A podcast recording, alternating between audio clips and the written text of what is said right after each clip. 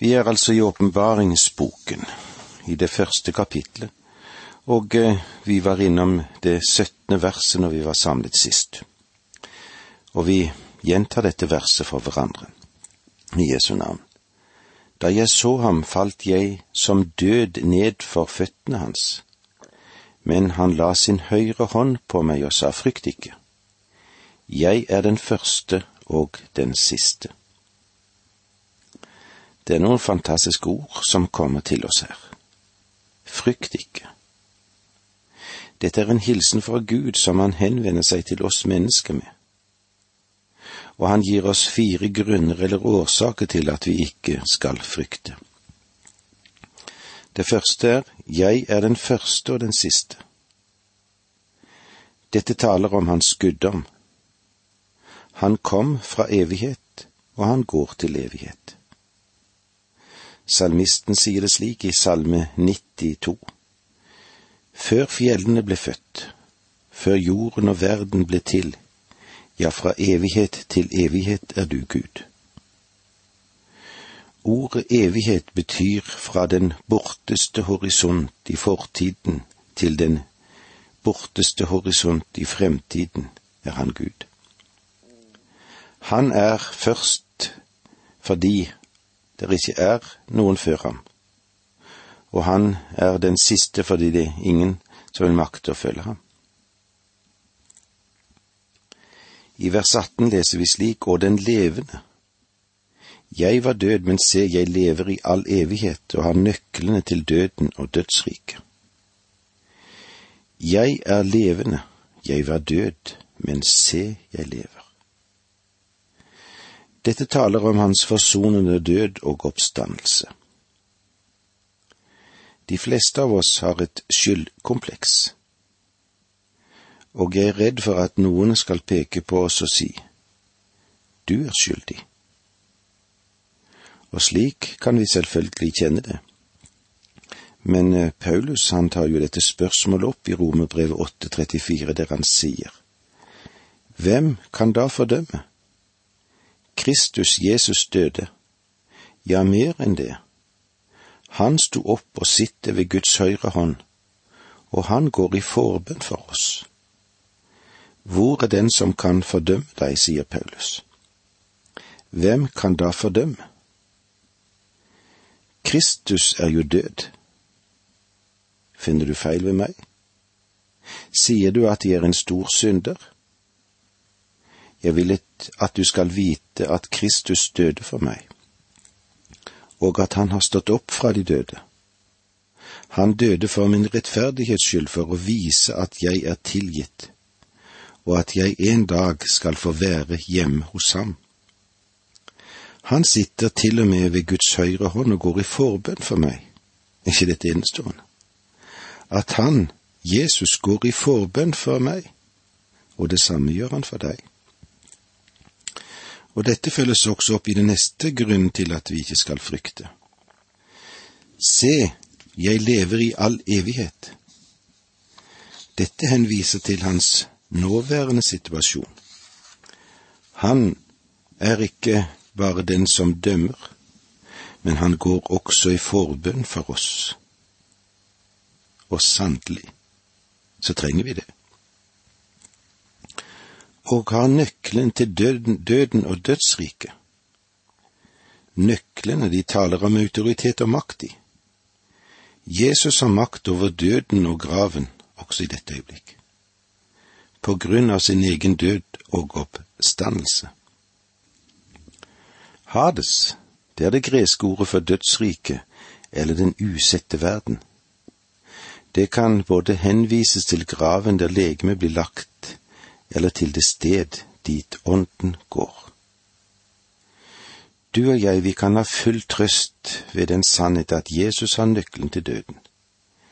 Men han er også den som kan løse oss fra den skremmende dødsfrykt.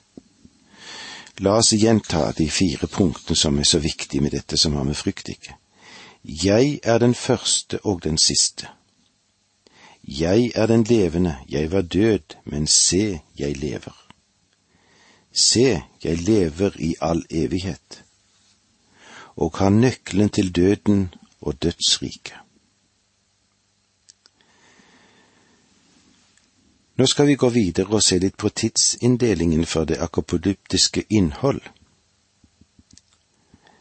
De følgende versene gir oss en kronologisk orden og inndeling når det gjelder åpenbaringsboken i tre tidsepoker.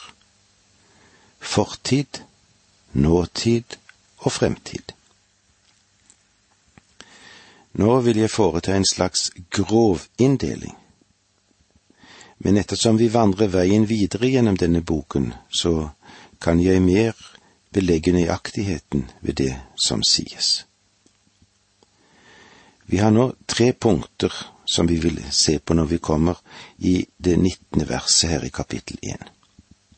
Skriv det du har sett, det som nå er, og det som heretter skal komme. Det første altså, skriv det du har sett. Hva har Johannes sett så langt? Han har sett en herliggjorte Kristus. La meg igjen få minne dere om at dette er en Kristus-sentrert bok. Den herliggjorte Kristus er hovedtema. Hak det ikke opp i rytternes eller vredeskålenes eller dyrenes rolle. De marsjerer jo bare forbi de. Fest dine øyne på, her, på den Herre Jesus Kristus. Det er Han som var, som er og som blir. Han er den samme i går, i dag og til evig tid. Og Johannes vil nå nedtegne de syner han har hatt om ham. Det andre punktet som vi har i dette verset, det som nå er. Hva er det som nå er? Det er det som dreier seg om menigheten, det som angår kirken. Og vi er det fremdeles etter år 2000. Det som angår menigheten, er spesielt samlet i kapitlene to og tre. Og så har vi det tredje punktet i dette verset 19. Det som heretter skal komme eller som en også kan oversette det med, de ting som er i ferd med å skje etter disse ting, meta tau, tauta. Det dreier seg om Jesu Kristi program, dette. Og vi vil se at menigheten løftes opp til himmelen, og det som skal utspille seg på jorden etter at menigheten er tatt bort, det er det vi skal se.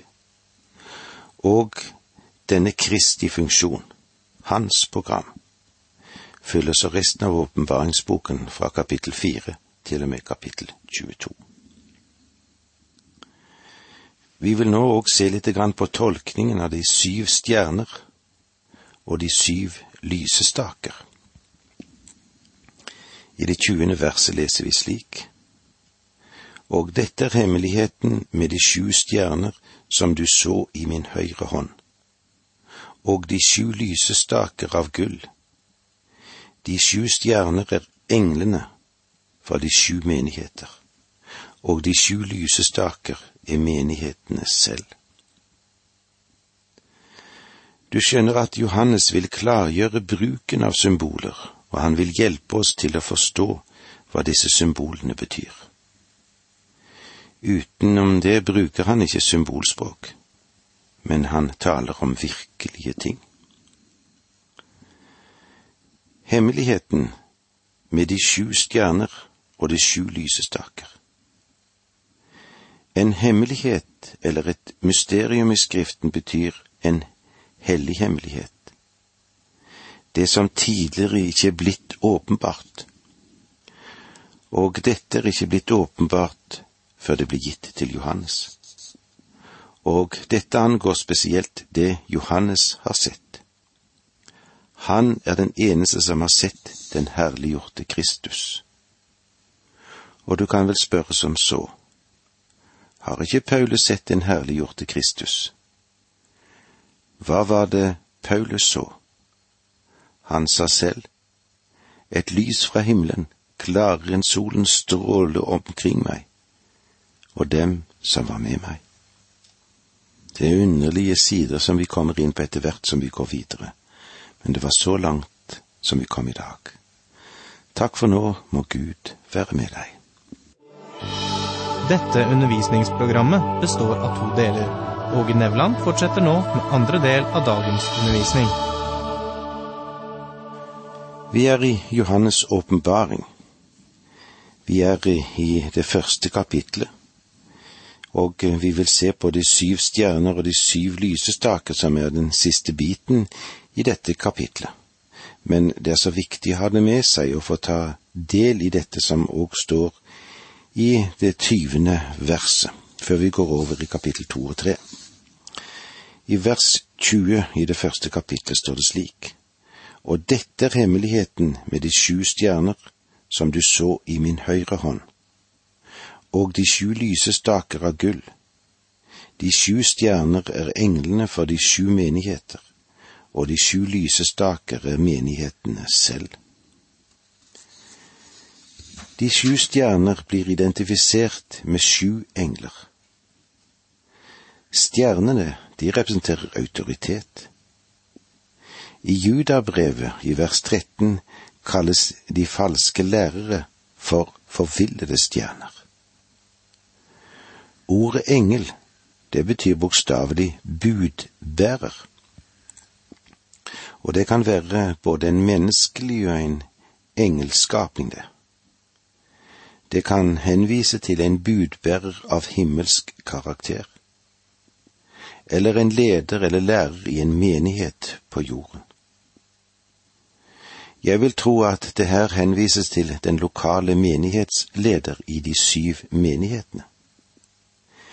Vi skal se nærmere på det når vi går inn i de neste to kapitlene. Og det er jo et storslagent og eh, ganske fantastisk å høre at en pastor kan bli kalt for en engel. For ofte skjer det vel at både prester og predikanter blir kalt for langt andre ting enn en engel. Så hvis du ikke har noe imot det, så holder jeg fast ved denne tolkningen. Sju stjerner, sju engler. De sju lysestaker er menighetene selv. Disse representerer de syv menighetene i Asia, og eh, vi vil se nærmere på dette. Og deretter så tror jeg at det, de representerer Kirken som et hele. Kirken som Kristi legeme. Vi går nå inn til det vi kan kalle for introduksjon av kapitlene to og tre.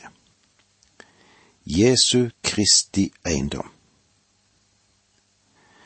Nå føres vi inn i en del som angår kirken, som også kalles for Kristi legeme. Han elsket menigheten og ga seg selv for den. Menigheten er samlingen av de troende som Faderen har gitt ham, og som han ba for i Johannes 17. Etter kapittel tre må det forundre oss at menigheten synes å bli borte. Frem til kapittel fire blir menigheten nevnt 19 ganger. Fra og med kapittel fire og til og med kapittel 20, der vi får se dommen ved den store hvite trone, blir kirken ikke nevnt en eneste gang. Jeg synes at en normal reaksjon på det er å spørre hvorfor og hvor menigheten befinner seg da, i denne perioden. Det synes ikke å være i verden. Den er blitt tatt bort fra jorden. Når det så gjelder de brevene vi nå støter på i kapittel to og tre, så kan det synes som om det som sies har en trefoldig tolkning eller anvendelse. Det første er samtidig. De har et direkte budskap til lokalmenigheten på Johannes sin tid. Jeg vil også prøve å gi noen lokale opplysninger angående disse syv menighetene. Som jeg har sagt før, så har jeg ikke besøkt de steder der disse menighetene var, så jeg må gjøre meg nytte av andres øyenvitneskildringer. Og så håper jeg at en dag må få lov til å kunne besøke disse syv stedene som har spilt en så veldig rolle i forståelsen av hva kirken er. Jeg tror at vi kommer Bibelen nærmere ved å besøke disse syv menighetene, og likeledes ved å besøke Bibelens hjemland Israel. Ruinene har et klart budskap. Johannes skrev til menigheter som han visste svært mye om. Og den engelske fortolkeren William Ramsay skriver det slik. Mannen som skrev disse syv brevene til de syv menighetene, har vært der, og han kjente til de lokale forhold.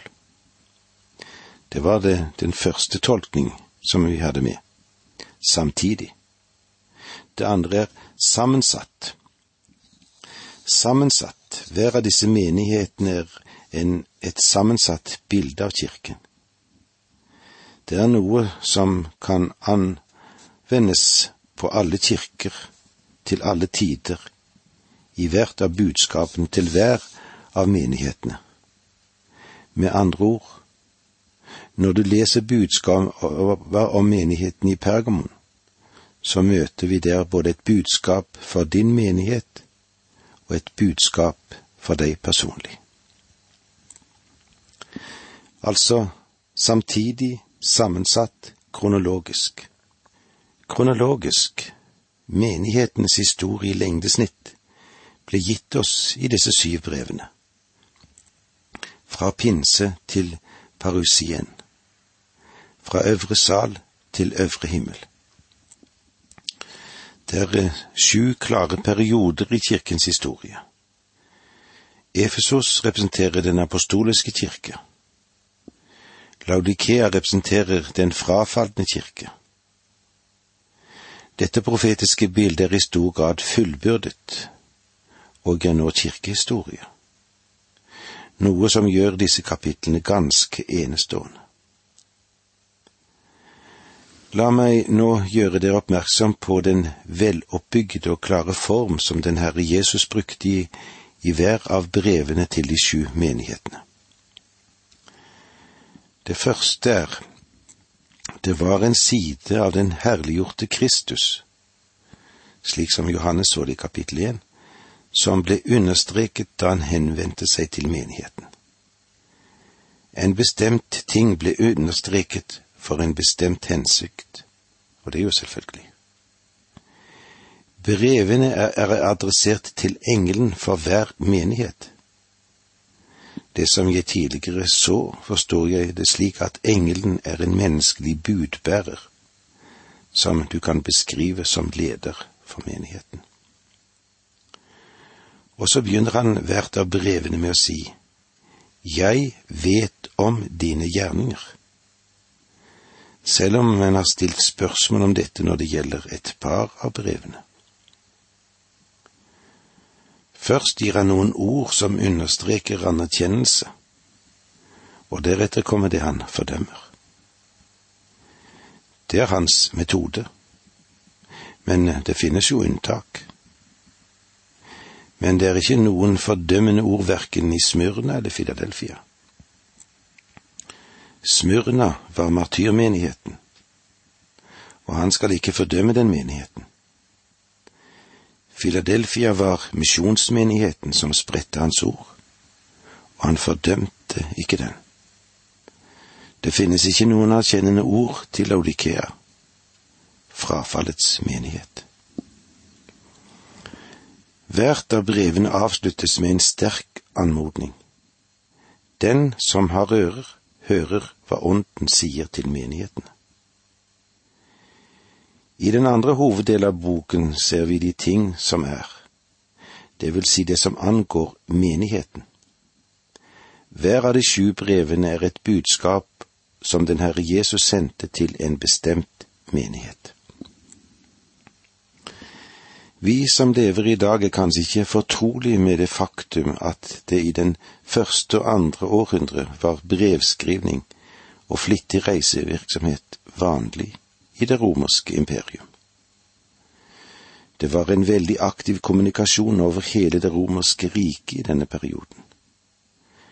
Derfor er de syv brevene i åpenbaringsboken overraskende av andre årsaker. Og det viktigste er, de er direkte brev fra Kristus til menighetene. Dette betyr at vi egentlig har to brev til Efesos. Det ene som Paulus skrev, og det andre som den Herre Jesus ga via Johannes. Selv om disse sju kalles brever til de sju menighetene, og ikke epistler, så betyr ikke det at det bare blir lest i vedkommende menighet. Nei, det blir enten sendt direkte til andre menigheter, eller det blir kopiert og formidlet videre. Det var mange store og sterke menigheter i det romerske imperiet. Men disse sju menighetene ble valgt av flere grunner.